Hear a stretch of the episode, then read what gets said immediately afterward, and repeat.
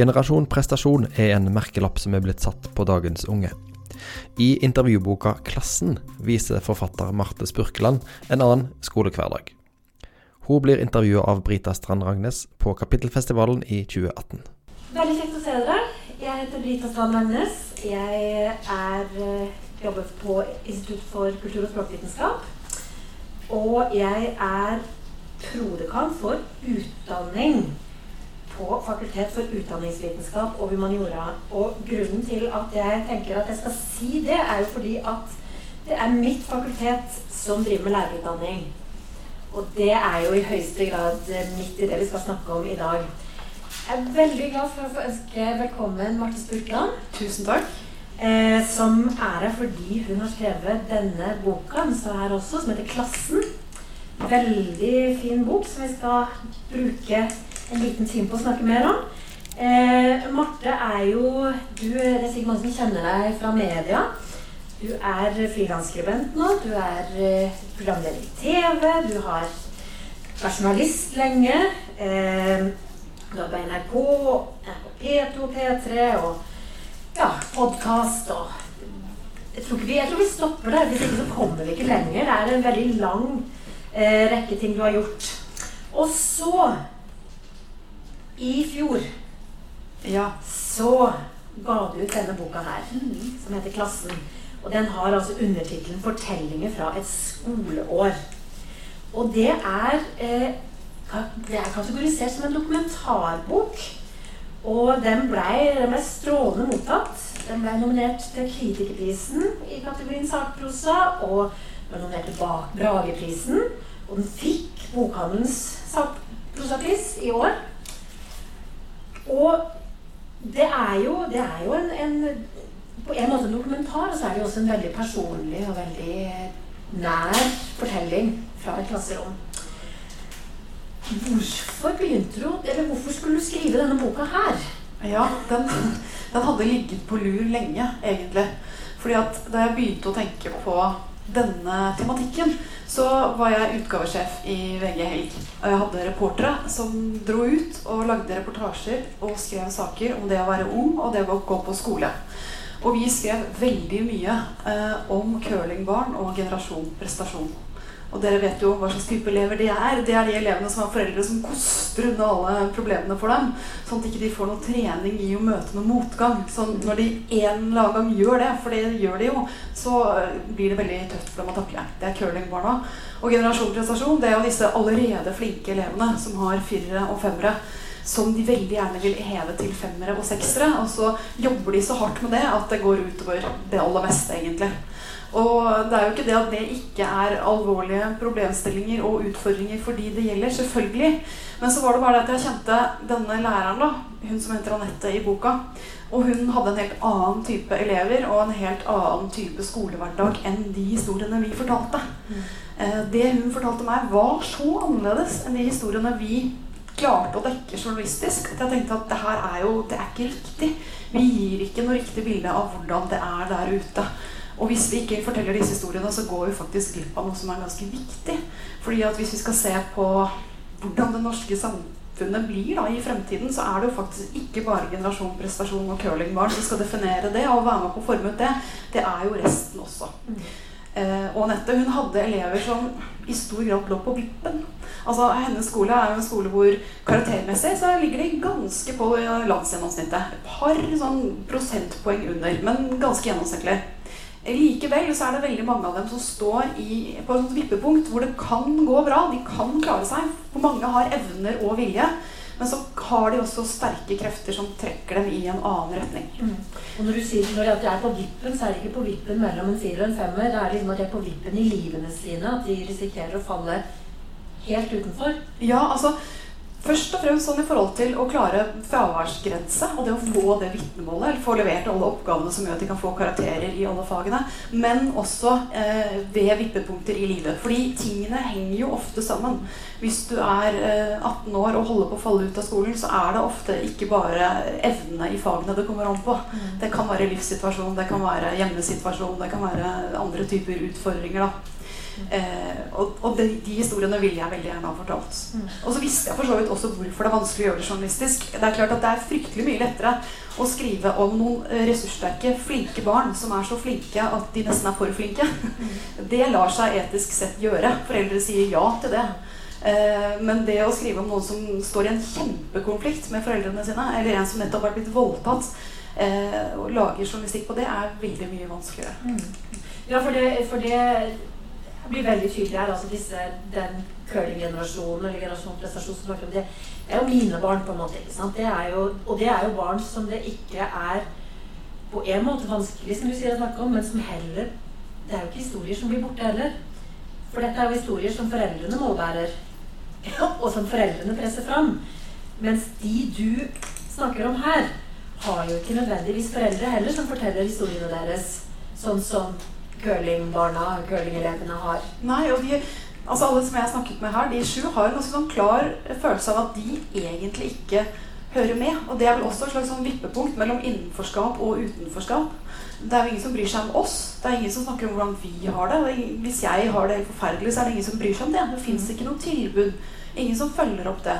Mm. Uh, men det de har, da, er jo denne læreren som de har til felles, som ser dem hver eneste dag, og som får dette her i fanget. Mm. Uh, og som fryktelig gjerne vil at de skal vippe den riktige veien og få det vitnemålet, billetten til fremtiden. Men hvis de skal få det, så Det er jo ikke at hun så fryktelig gjerne vil ta alt inn over seg, men hvis hun skal få til å få de resultatene som de evner å få, så må hun ta fatt i det som brenner, da. Mm. Uh, og hjelpe dem med de andre tingene som ikke akkurat står på pensum heller. Mm. Og det er jo det kan vi komme tilbake til, det, det, er jo egentlig en bok som like gjerne kunne hett 'Læreren' som 'Klassen'.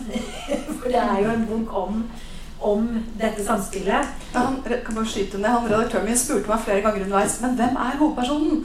Er det lærerne eller er det elevene? Og jeg bare sånn Jeg vet ikke. Det er, og så landet vi på til slutt at det er noe så sjelden som en bok med åtte hovedpersoner. Det skal jo egentlig ikke gå an, men det er det. Og det, sånn sett er jo klassen veldig dekkende, for du har jo ikke en klasse uten både elev og lærer. Så det, det er fint, det, altså. Men det er, veldig, det, er også veldig, et veldig sterkt lærerportrett. Men du har altså, du sier altså dette her er jo en fortelling fra en tredjeklasse på videregående. Er, altså, videregående er jo noe som Når man står litt på utsida, så tror man at man vet hva det er. Og så tror man at det er en sånn enhetlig ting. Som, altså, at en tredjeklasse er en tredjeklasse. Og det er det jo ikke. Hva, hva, slags skole er det du beskriver? Du sier at det er en gjennomsnittlig skole, men hva vil det si? Altså Karaktermessig ligger de, de ligger sånn rett ved landsgjennomsnittet. Men det som de har, er en mye høyere andel eh, enn det gjennomsnittlige på elever med minoritetsbakgrunn. Mm. Det er jo ikke en Oslo-skole. Eh, jeg oppgir jo ikke hvilken skole det er. Det er viktig at dette prosjektet er anonymt. Eh, men jeg forteller at læreren som bor i Oslo, kjører sånn ca. en time hjemmefra for å komme til skolen som hun jobber på. Eh, og når jeg skulle finne de personene som jeg skulle følge, så var det jo først og fremst læreren som hjalp meg med å, å finne ut hvem det kunne være.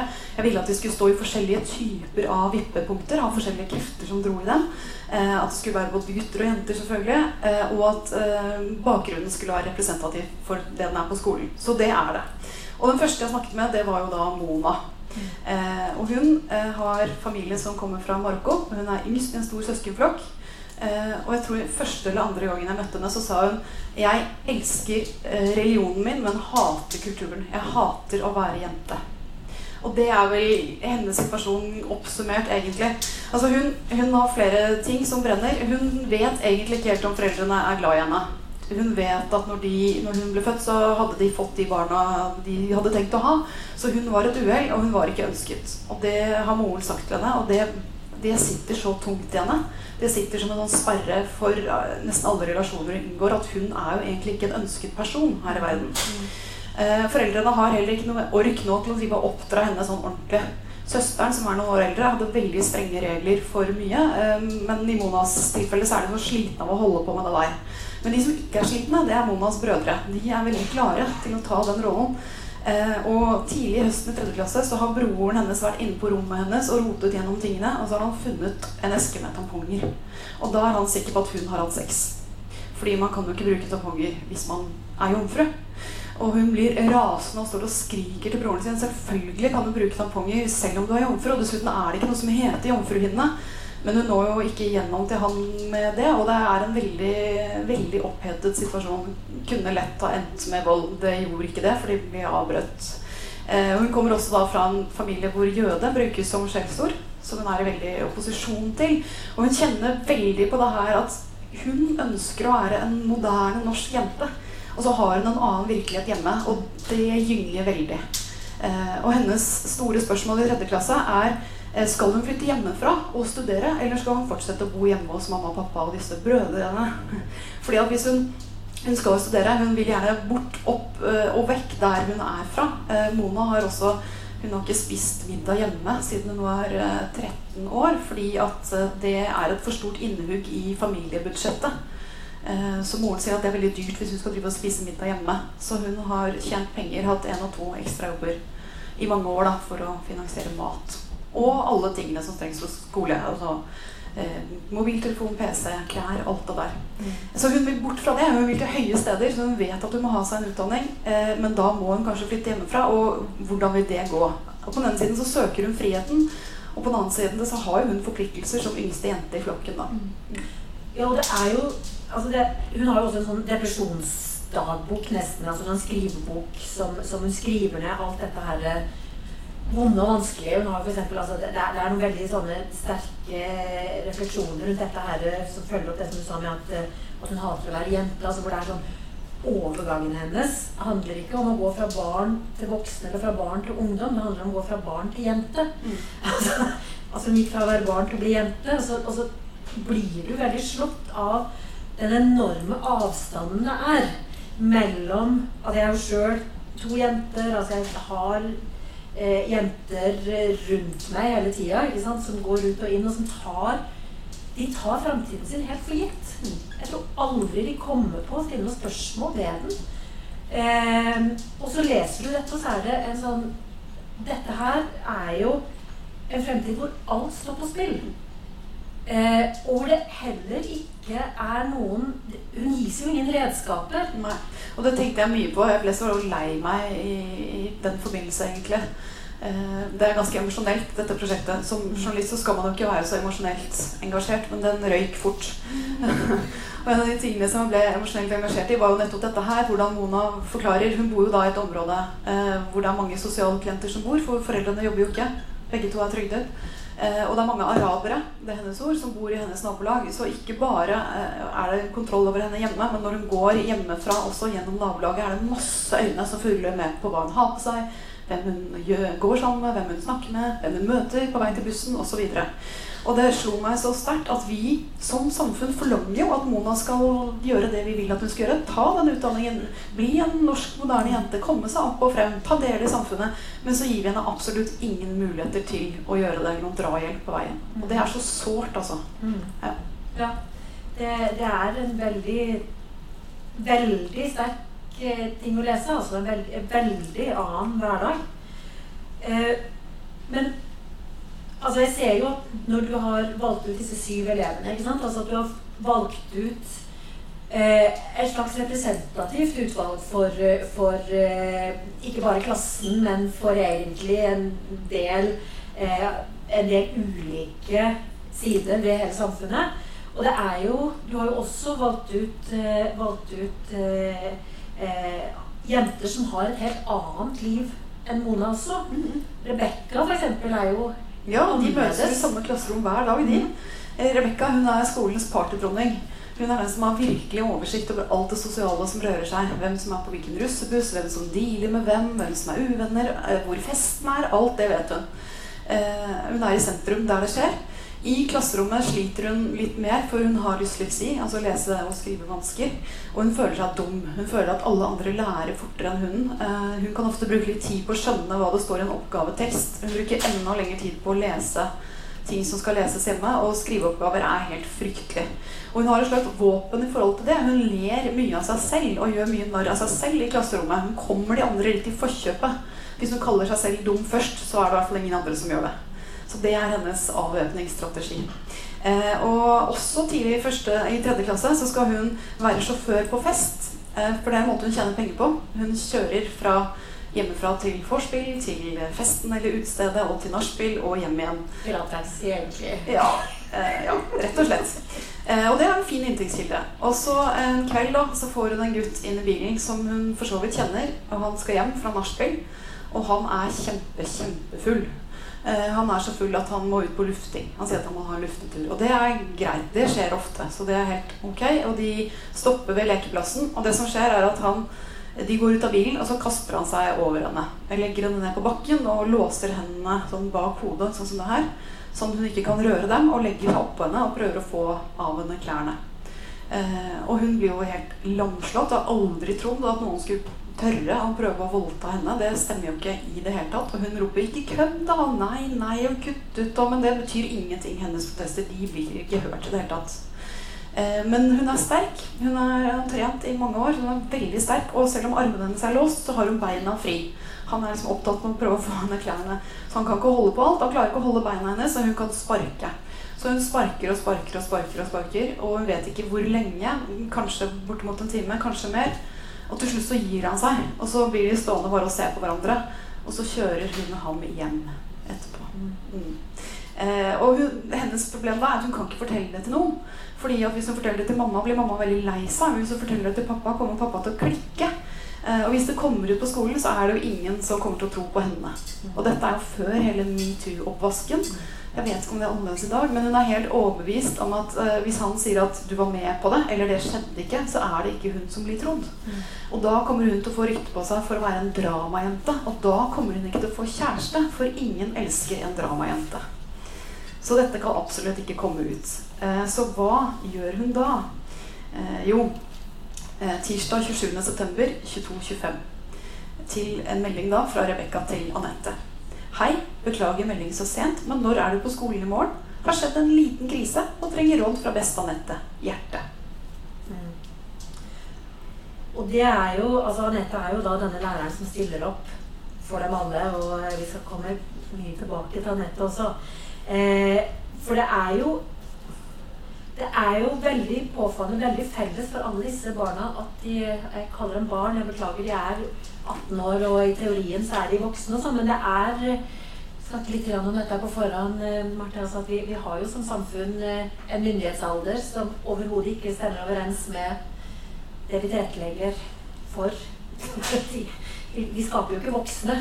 Jeg kjente, ikke så, jeg kjente jo ikke så mange 18-åringer før dette prosjektet. egentlig. Jeg ble veldig overrasket over Ja, de er voksne, men du verden det er mye barn i dem òg. Altså. Når de kommer mm. med krisene sine og sårheten sin, og mm. når livet begynner å gynge, så er de fortsatt veldig små og mm. trenger, trenger voksenpersoner. Mm.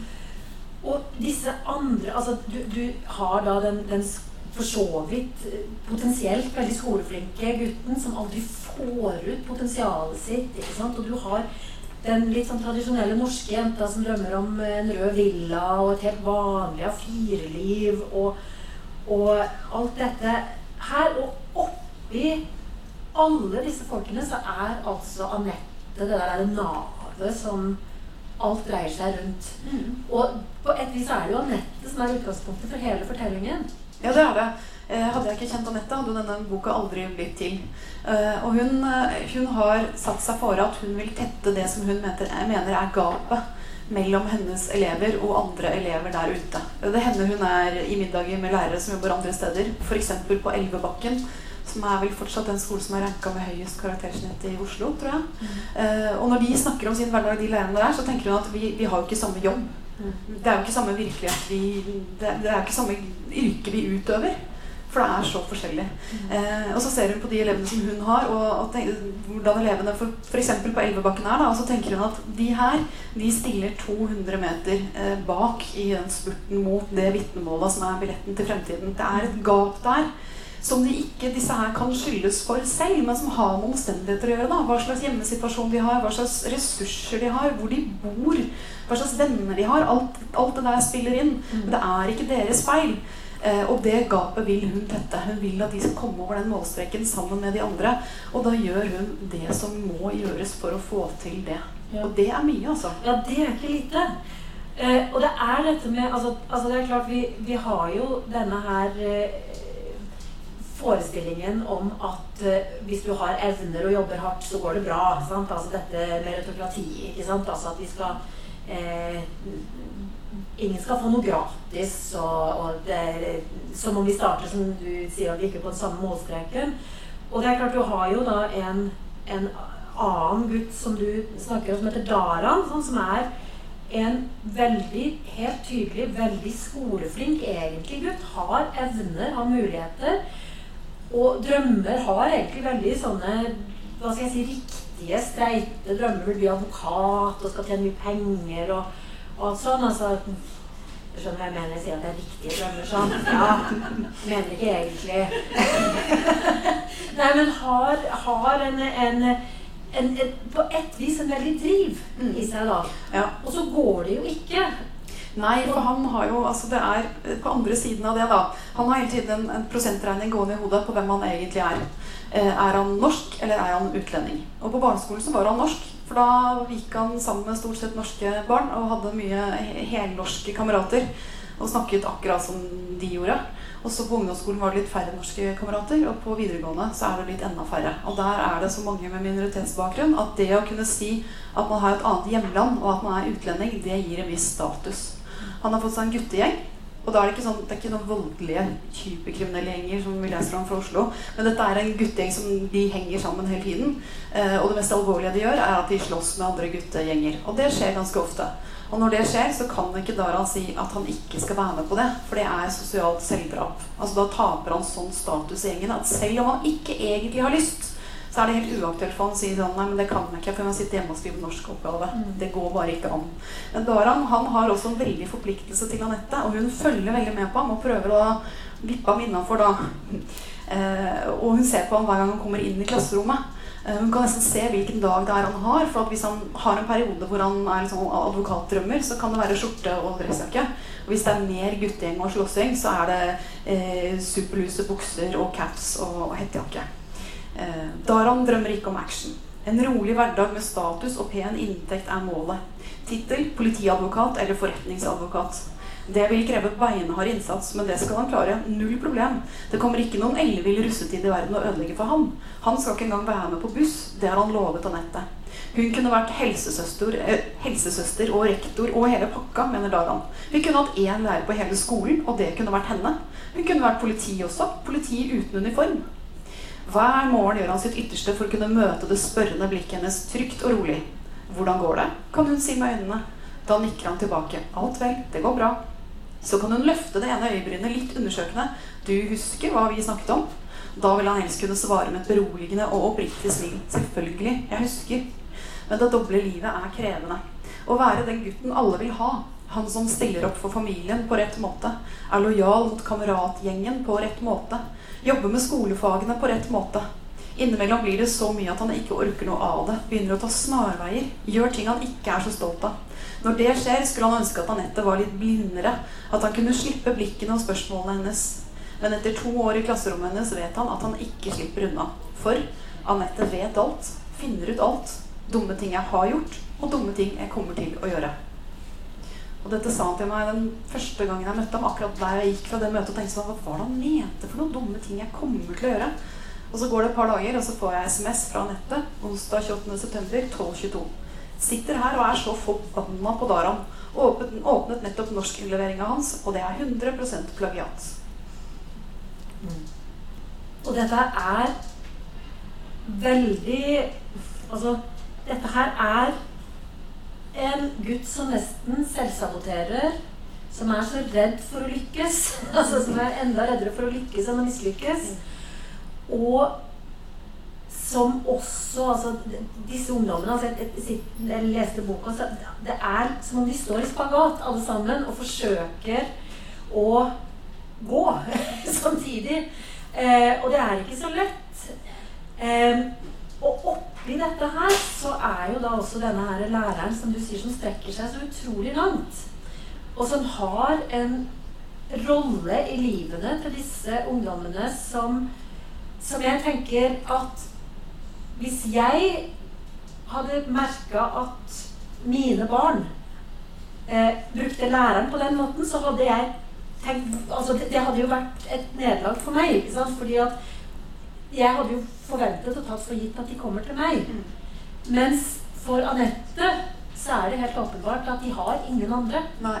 Og det var trist nok nesten et sånn hemmelig våpen i dette bokprosjektet også. Altså For det første så Jeg tror at jeg fikk veldig raskt tillit og åpenhet eh, fra dem. For, nettopp fordi de var så nære ved læreren sin, og det at hun gikk god for meg, gjorde at de, den tilliten smittet over. Og så var det en annen ting, og det var nettopp dette at det de fleste av disse da har til felles, er at de har ikke noen voksenperson som de kan gå til med det, de brenner, det som brenner. De voksenpersonene som er nærmest, må de skjule det som brenner for. Hvis ikke så brenner det enda mer. Eh, så da blir det denne læreren som ser dem hver eneste dag, da, og kan sende dem det blikket og se hvordan de har det. Som ser på Karina eh, f.eks. at et angstanfall er på vei før det setter inn. Eller som er den eneste som klarer å roe henne når det angstanfallet skjer i klasserommet. Hun blir voksenpersonen. Uh, og jeg ble også en voksenperson for dem. Som, selv om jeg gjorde ikke, ikke en brøkdel av det hun gjør, men jeg lyttet i hvert fall. Jeg møtte dem på jevnlig basis og satt og lyttet til hvordan de hadde det, og det som skjedde i livene deres. Og det var de ikke vant til altså. Så jeg har så tenkt mye på hvor utrolig viktig det er å ha en voksen person, eller være en voksen person som kan lytte, om ikke annet, da. Lytte. For det er Altså, jeg, jeg sitter og så, satt og tenkte når jeg leste boka, så tenkte jeg at Det er en helt overveldende hverdag hun skal forholde seg til. Og det er problemstillinger som eh, jeg satt og tenkte som lærerutdanner altså Jeg har studenter, mine studenter som sitter her nå, så tenker jeg Gjør jeg det jeg skal? Skjønner du sant? Altså, fordi at du har jo da sånn som eh, Nahid, som du også skriver om, som lever med drapstrusler. Altså som lever med trusler fra faren om at han skal drepe henne, familien. Altså som har Som er på en måte garantisten for både familien og for familiens ære og for alt som skjer. Og dette her er lite Altså en ung jente. Ja, hun er helt klart den voksne i familien sin. Moren er traumatisert. Det har vært mange år med familievold. Faren har sittet inne for familievold og andre kriminelle forhold. Så moren har gitt opp for lenge siden, egentlig. Eh, så Mahid er den som passer småsøsknene, får dem til skolen, henter dem på skolen, eh, tjener penger. Prøver å spare nok til at hun kan kjøpe en bruktbil til moren, for da kunne moren kjørt til barnehagen. Det hadde vært enklere å hente minste søsknene da. hvis jeg kunne. Hun har alt det ansvaret på seg. Eh, og så har hun jo denne faren, da. Eh, skal jeg ta og lese den SMS-utveksling. Eh, melding fra Nahid til Anette 1.12. Anette, jeg klarer ikke mer. Jeg har en drittsekkfar som ikke lar meg være i fred. Han skal tydeligvis drepe meg i morgen. SMS fra Nahid til Anette 2.12. Beklager at jeg sender så mange meldinger, men jeg lurer på én ting. Hva har Tranebevegelsen med demokratisering av Norge å gjøre? Så det er hennes situasjon i et nøtteskall. Eh, det er det hun skal prøve å turnere. Eh, og grunnen til at faren skal drepe henne, vi må kanskje si det også, det er at han eh, han har ikke oppholdstillatelse permanent i Norge lenger, for han har så mye kriminelle forhold på seg. Så han vil at hun skal skrive et brev til utlendingsmyndigheten hvor hun sier at han trengs i Norge av hensyn til småsøsknene. For da tror han at han vil få opphold. Og det er det siste brevet i verden Nahid vil skrive. For hun vil jo ikke ha ham i Norge. Hun vil ha ham så langt ut av Norge og helst ut av verden som overhodet mulig. Så hun nekter å skrive det brevet, og det er da han blir aggressiv. Og det skjer flere ganger i løpet av året. Og så er det vanskelig for henne også å kontakte politiet. Hun er redd for politiet, og hun ser en slags sånn sammenheng som ikke er der, men som hun tror er der, om at hvis hun går til politiet med noe vold eller noe alarmen som i sikkerhetsalarmen deres som ikke virker hvis hun, hvis hun, begynner å snakke om det her, at det vil ha noe å si for oppholdstillatelsessaken til familien. Fordi at i alt overmål så lukset faren med papirene da de kom til Norge da hun var fire år. Og det var det mye snakk om i 2017. Mm. Så de har bare midlertidig oppholdstillatelse, de òg. Så hun kan ikke lage bråk. Samtidig som det er veldig mye bråk i livet hennes. Mm. Og så er det det da, at for å liksom rette opp alt dette gærne som har skjedd med familien, så må hun bli lege, syns hun. Det er det som kan, det er det som kan ordne opp i det. Eh, men hun har jo ikke gode nok karakterer til det. Eh, og hun sliter særlig i kjemi og nynorsk. Eh, begge de fagene er veldig tunge for henne. Mm. Og det er jo den alene om for all del. Det er mange som gjør det. Men det er jo klart det som det som blir så ekstremt tydelig, det er jo hvor skjørt alt er. Hvor, og, og, og, det er klart, det, det, tenker vi jo ofte at uh, livene er. altså at, uh, at vi er redde for at det rakner og sånn. ikke sant? Men når du leser disse fortellingene her, så er det noe helt annet som står på spill. Og det er noe helt annet enn tids, altså Det er ikke tidsklemma vi snakker om. I det hele tatt. Vi snakker om liv og død. Bokstavelig talt. Og så snakker vi om det å være garantist for framtida til en hel familie. Altså det er du det er du som er den eneste garantisten. Ja. ja og så skal du jo sørge for din egen fremtid òg. For at, mm. sånn som om det er Nahid eller Mona eller for så vidt Max også, det eneste de vet, er at de skal i hvert fall ikke ha den virkeligheten som de har nå. De må ut av det og videre til noe som er bedre. Og det er så avgjørende, det. Der og nå, for så vidt. Mm. Klarer liksom foreta den klassereisen da, mm. som ikke mine barn har noe sånt spesielt Eh, sterkt forhold til at den er de nødt til å gjøre. Men det vet disse her. Det er de så sultne på å få til. Mm. Og da trenger de all den hjelpen de kan få.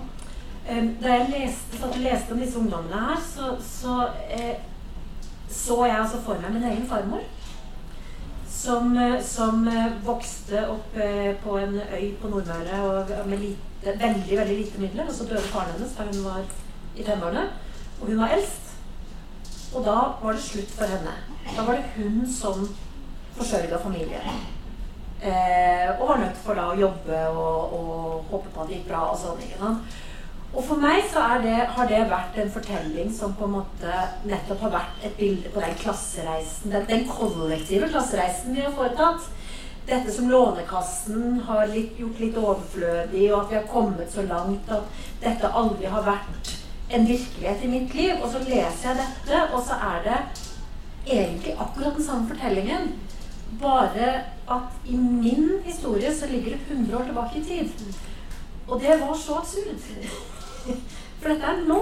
Ja, og Du har litt av det med Emily òg, altså, ja. som har lese- og skrivevansker. Moren hennes gjør en kjempeinnsats med leksene. Leser leksene hennes høyt for henne.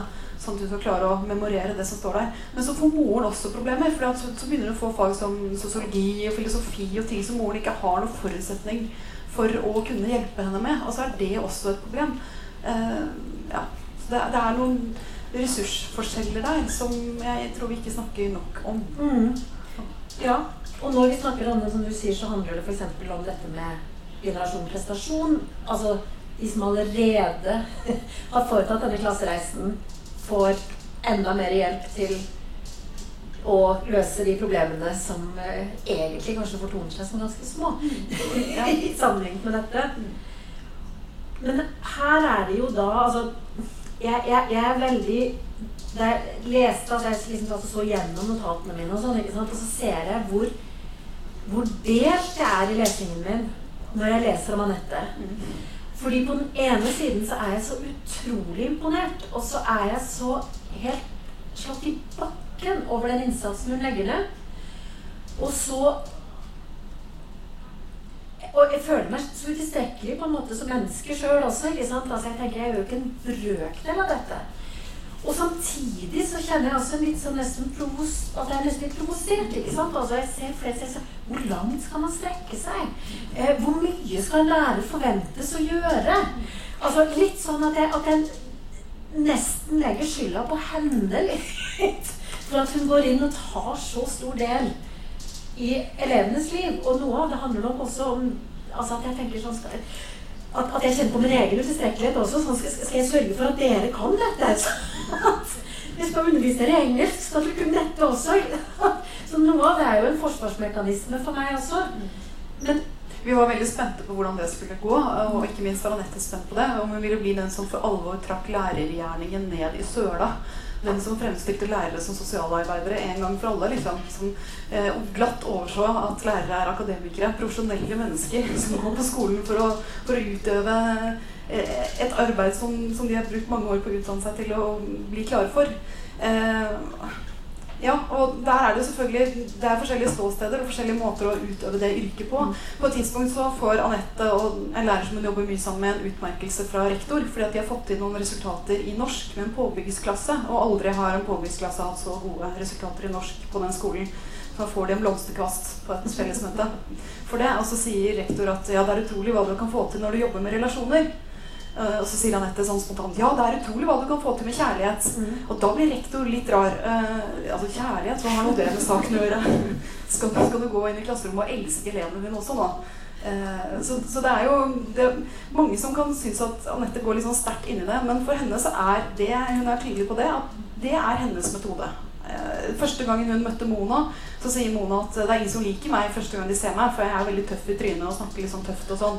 Så jeg, du kommer ikke til å like meg, du heller. Og så sier hun sånn Jeg liker allerede, jeg. ser at du er en fantastisk jente. Og det er jo eh, det at hun ser dem så godt og har bestemt seg for at hun skal bare elske dem uforbeholdent. De er like viktige mennesker som alle andre barn og ungdommer. Altså de som mine barn og hennes barn og dine barn. Det er ikke, det er ikke sånn at noen er mindre verdt enn andre. Og det tror jeg disse her føler seg nok ofte mindre verdt, og hun gir dem en følelse av at de ikke er det. Og det ligger et veldig kraftfullt verktøy i det. Og så kan man si at det er helt sprøtt hvordan hun strekker seg og strekker seg og strekker seg med å utsette frister, f.eks. Mm. Skaffer henne enormt mye ekstraarbeid.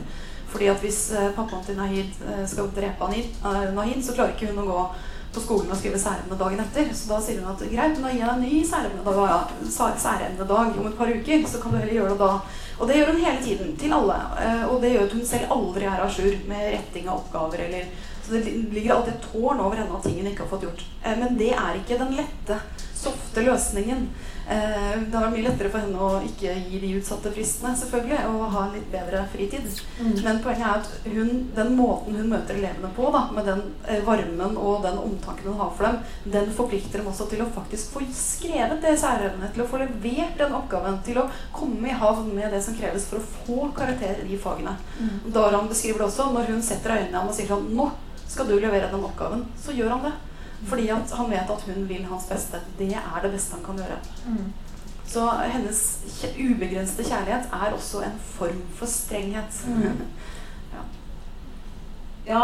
ja, for all, for all del. Og jeg, jeg må si at jeg syns jo det er utrolig interessant å lese nettopp om det som sier denne her eh, relasjonsledelsen hennes, dette, altså klasseromsledelse, dette er å være en så tydelig og samtidig en så varm, eh, nærværende voksen og, og eh, i klasserommet. Og det er jo også noe som jeg syns er veldig interessant hvordan du får fram når du også beskriver fagligheten hennes. Mm. For det er jo det er jo noe som lett kunne ha blitt borte på en måte i denne boka. ikke sant? Altså at at det bare handler om kjærlighet og, og kumbaya og nå skal, vi, nå skal vi alle være venner. Mm. Men, men, det er jo også helt tydelig Det er noe av det som er det mest imponerende, tenker jeg, i dette, det er at hun også har den knallharde fagligheten og, og, den kreativiteten i fagligheten sin. Ja, for det som er hennes livbøye, det som gjør at hun ikke bukker under, det er de gylne øyeblikkene i klassen. Altså de, de gangene hun klarer å samle alle sammen. Og alt andre, annet av voldtekter eller angst eller guttegjeng eller hva det måtte være, drapstrusler At de klarer å glemme det og bare være til stede og høre på det hun formidler. Og når hun får til de gylne øyeblikkene, da lever hun lenge på det. Mm -hmm. eh, og da må, hun, da må hun nå frem, da. Eh, og når hun f.eks. skal nå frem med Karens novelle, nei, Kiellands novelle 'Karen', eh, så må hun snakke om den på en måte som, som setter dem i stand til å, å, skjønne det som skjer i den teksten. Så først så jobber hun med ordene, forklarer hva enkelte ord betyr. Og så går hun her videre uh, med å forklare metaforer. Når elevene forstår ordene i Karen, kan de gå videre til neste nivå og sette seg inn i Kiellands bilder og metaforbruk. I analysen må de vite at de har skjønt betydningen av vinden som blåser gjennom hele novellen, slamrer med dører, skremmer hestene i stallen, skaper kaos i eksisterende orden og varsler stormende følelser og ulykke. Men da Anette spør elevene om de tror vinden i teksten kan bety noe mer enn vind, blir blikkene tomme. Så tomme at Anette hentet fram et av sine mest effektive pedagogiske verktøy humor. Det er noe av det viktigste som skjer i klasserommet. Midt i det dystre som en del av disse elevene står i, kan vi tulle og le veldig mye. Hva hvis det ikke var Kielland som hadde skrevet denne teksten, men Carpe Diem, spør Anette 3STA, og sender rapperne fra Oslo en takknemlig tanke. Det er ikke første gang de dukker opp i undervisningen hennes for å forklare litterære virkemidler, og det blir ikke den siste. Så går hun ut på gulvet i klasserommet, begynner å gynge i knærne, hever en arm med pekende fingre i været. Karpe synger Karpe synger 'Jeg er en påfugl', ikke sant? Tenk om de i stedet hadde sunget 'Jeg er en flerkulturell gutt, jeg er en flerkulturell guhut' latter i klasserommet. Det hadde vært ganske teit, hva? Påfugl er en metafor, fortsetter Anette. Akkurat som vinden og Kielland er det. For å få frem tydelig det de vil si, sier de noe helt annet. Hva med denne, dere? Hun tar bredbeinte dansesteg mot Dara og Rebekka og hoier. Når Karpe synger 'Jeg er et sted mellom puppa og foreldra mines kultur', skulle de heller ha sagt 'Jeg føler meg dratt med gjennom det norske samfunnet og tradisjonen og reglene foreldrene mine har med seg fra hjemlandet sitt'. Yo, yo! Da skjønner elevene med en gang, sier Anette. Karpe forklarer så mye bedre enn om jeg skulle skrevet metaforer på tavla med streker og underpunkter. Og så kan man jo spørre hvordan klarer hun å få dette her til ikke bare bli kleint og grusomt og få elevene til å rygge unna. Og det er hennes hemmelighet, altså. Jeg tror ikke jeg hadde klart det. Men det, det handler nok mye om at hun oppriktig elsker Karpe. da. Hun går på Karpe Diem-konserter og gråter. Hun kan alle tekstene uten at hun virkelig digger det like mye som elevene gjør det, men med et annet perspektiv. Mm. Så det er respekt, tror jeg, som ligger i bunnen. Og det er, det er akkurat der eh, Det er ingenting som er bedre enn en Karpe-konsert. Altså. Er- Der er vi helt på linje. Eh, men dette her er jo Du var jo inne på dette her f.eks. med de etiske dilemmaene. ikke sant? Du sier at eh, når du skriver om generasjon prestasjon, eller altså vi, på et abstrahert nivå, om det er skam ikke sant, som har gjort at vi har gått enda dypere inn i dette her. Det har blitt, blitt hipt å snakke om eh, videregående og sånn. ikke sant? Men der er, som du sa, der er jo f.eks. For foreldrene på ditt lag.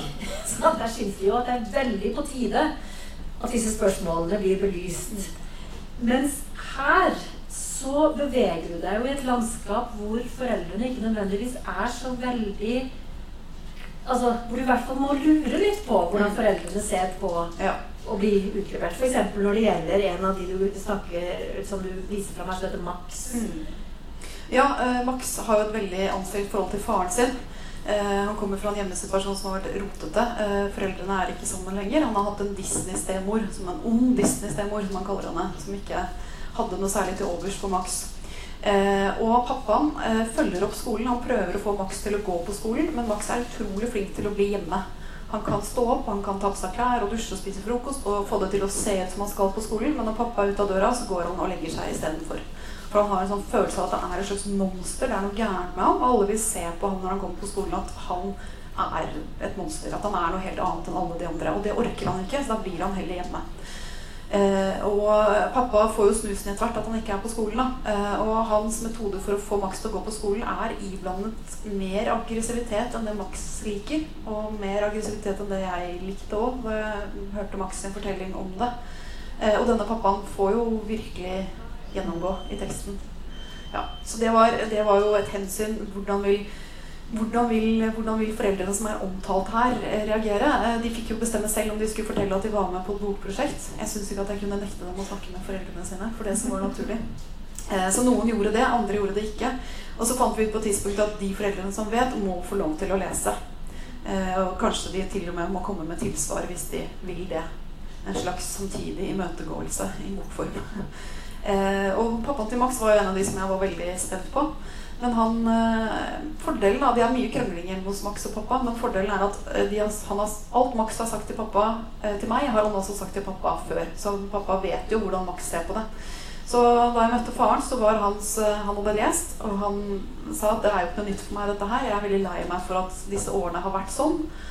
Men Max eier sin historie. Han skal få lov til å fortelle den. Du kan publisere alt du vil. Jeg skal ikke kommentere på noen som helst måte. Og det tenkte jeg var så bra, da. Eh, ja. Mm. For det er jo også noe som blir tydelig i denne boka, selv om du ikke selv om du ikke sier det rett ut, så er det jo også veldig tydelig at det er jo ikke bare elever vi vanligvis ikke ser dette handler om.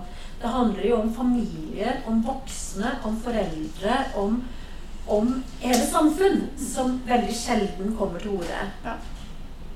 Og det, det er en, en eh, enorm styrke ved den fortellingen, altså. Og så opplever jeg at det er ikke noe system for å se det ordentlig heller. Det er ikke noe system for å fange dem opp og gjøre noe med det. Og jeg tror det er derfor altså, Jeg vil jo helst ikke at boka mi skal leses som en diskusjon om hvordan man, eller en instruksjon om hvordan man skal være som lærer. Jeg mener jo ikke at alle skal være som Anette.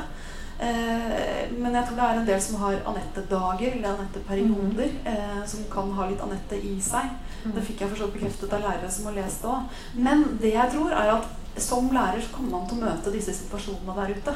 Og bare i kraft av å være et voksent menneske som ser elevene hver eneste dag, så kommer det til å havne i fanget. Mm. Eh, og da kan man selvfølgelig velge hvor mye man vil forholde seg til det, men at det fins der ute, og at man veldig fort kan bli den eneste voksenpersonen som det er naturlig for disse ungdommene å gå til, det tror jeg er helt reelt. Mm. Og hvis ikke vi vet det, og hvis ikke vi verdsetter de lærerne som gjør den jobben, som faktisk er et veldig viktig samfunnsoppdrag, da blir vi også fattigere som Mm. samfunn.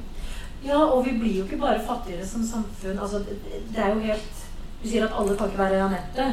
Men hvis ingen er det, Ja. da er det ikke bare på det hva skal jeg si, det litt abstrakte verdimessige vi blir fattige, men da er det så forferdelig mange som helt, helt konkret faller utenfor, som du sier, og som de glipper for. Ja, og det ville være så trist, da. Mm. Eh, og det er noe som jeg har kjent på eh, gjennom denne prosessen her. Altså hvis, hvis disse her, hvis Max og Mona, Emily og Daran og Rebekka og Nahid, hvis, hvis ikke de skal bli, bli til noe, hvis ikke deres stemme skal bli hørt i det norske samfunnet, hvis, hvis de skal havne på den utenfor, så vil vi vil mis, miste så mye, da. For det er ingen jeg heller vil ha.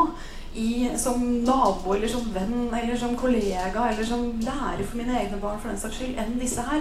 Og jeg tenker at bare det at de håndterer de situasjonene de håndterer. Uh, og eh, ja, sånn som Mona, for eksempel, da, som jeg jo som sagt ble veldig engasjert i. Eh, Altfor engasjert, egentlig. Og begynte å gjøre den kardinalfeilen. Som journalist så vet du vel at du skal jo ikke begynne å Hvis de spør deg hva skal jeg gjøre med denne situasjonen, så skal du ikke som journalist svare. Du skal ikke begynne å ta avgjørelser i noens liv. Du skal observere og dokumentere.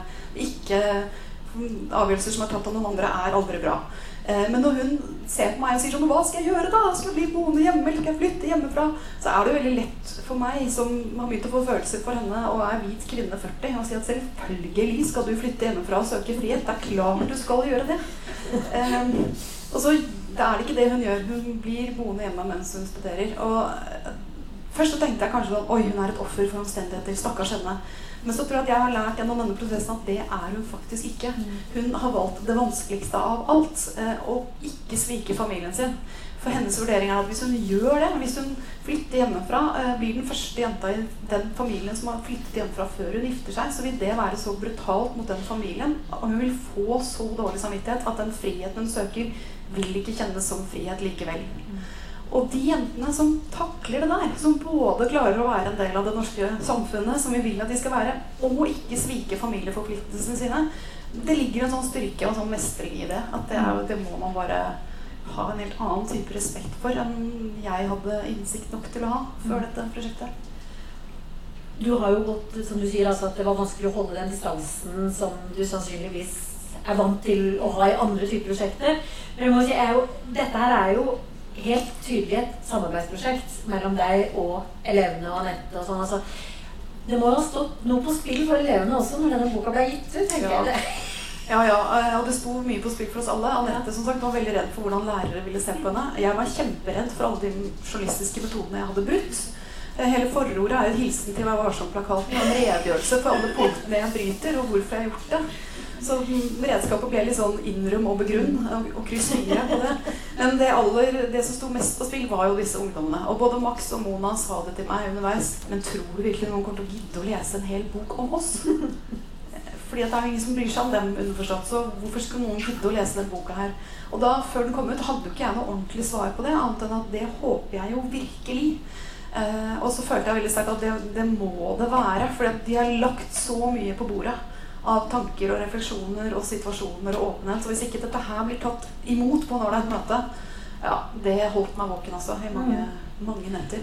Og heldigvis så ble det jo tatt veldig godt imot. Heldigvis. Heldigvis. Og det er jo fått, fått veldig gode og veldig kloke anmeldelser, syns jeg. Altså, det er ikke alltid det samme. Altså, jeg har vært anmelder sjøl, så dette vet jeg godt. At det er ikke alltid at eh, positive anmeldelser er kloke. Det, det trenger ikke være noen, noen, noen samsvar. Men, men jeg syns at det har, vært, det har vært veldig fint mottatt, ikke bare godt mottatt. Um, og jeg må jo si, altså Dette arrangementet som er her i dag, det er jo da altså et samarbeid mellom forskningsdagene her. Men det er også uh, et samarbeid altså det er et forskningsdagen, men det er også et samarbeid med Kapittelfestivalen. Um, og det er jeg utrolig glad for. altså Jeg sitter i programrådet for Kapittelfestivalen og har liksom et hjerte for den også. Men Kapittel er jo en festival for litteratur. Og det er jo dette. Altså det er, jeg vet ikke om det, det er sakprosa, det er dokumentar, men det er også for, altså, den går også over i andre litterære sjangere som, som, gjør det til noe mer enn og noe annet enn bare en dokumentar, en sakprosabok. Men Kapittelfestivalen er ikke bare litteraturfestival, det er også en ytringsfrihetsfestival.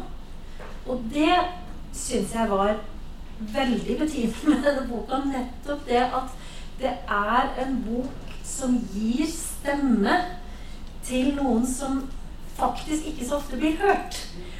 Og den gir stemme ikke bare til elevene som, og familiene og de bakgrunnene, den, disse som står i spagaten, men de gir også stemme til den læreren som heller ikke alltid kommer til orde, og som må få lov til å Som de må begynne å høre mer på.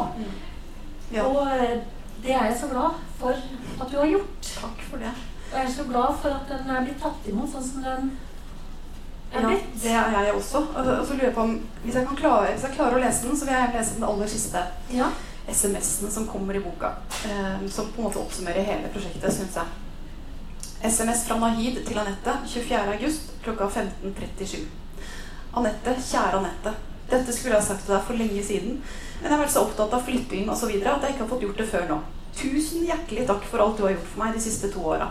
Vet ikke hvordan jeg skal takke deg. Finner ikke ord for å beskrive deg. Du er først og fremst en fantastisk flink lærer, og så har du også så stort hjerte at du får plass til alle menneskene rundt deg inni der. Og sist, men ikke minst, er du en utrolig vakker og sterk kvinne. Du vet ganske godt selv. Hadde det ikke vært for deg og alt du har gjort for meg, så hadde ikke jeg vært her jeg er nå. Takket være deg klarte jeg å få vitnemålet mitt, som jeg i dag går på ingeniørstudiet med. Hadde det ikke vært for deg, så hadde jeg muligens endt opp med å droppe ut av skolen og jobbe på Kiwi for resten av livet. Håper du vet selv hvor mye du har gjort for meg, og hvor mye alt dette betyr for meg. Evig takknemlig. Igjen, takk for alt. Kjempeglad i deg, og kjempeglad for å ha blitt kjent med deg. Kommer aldri til å glemme verken deg eller alt du har gjort for meg. Skal nevne deg til mine barn og barnebarn.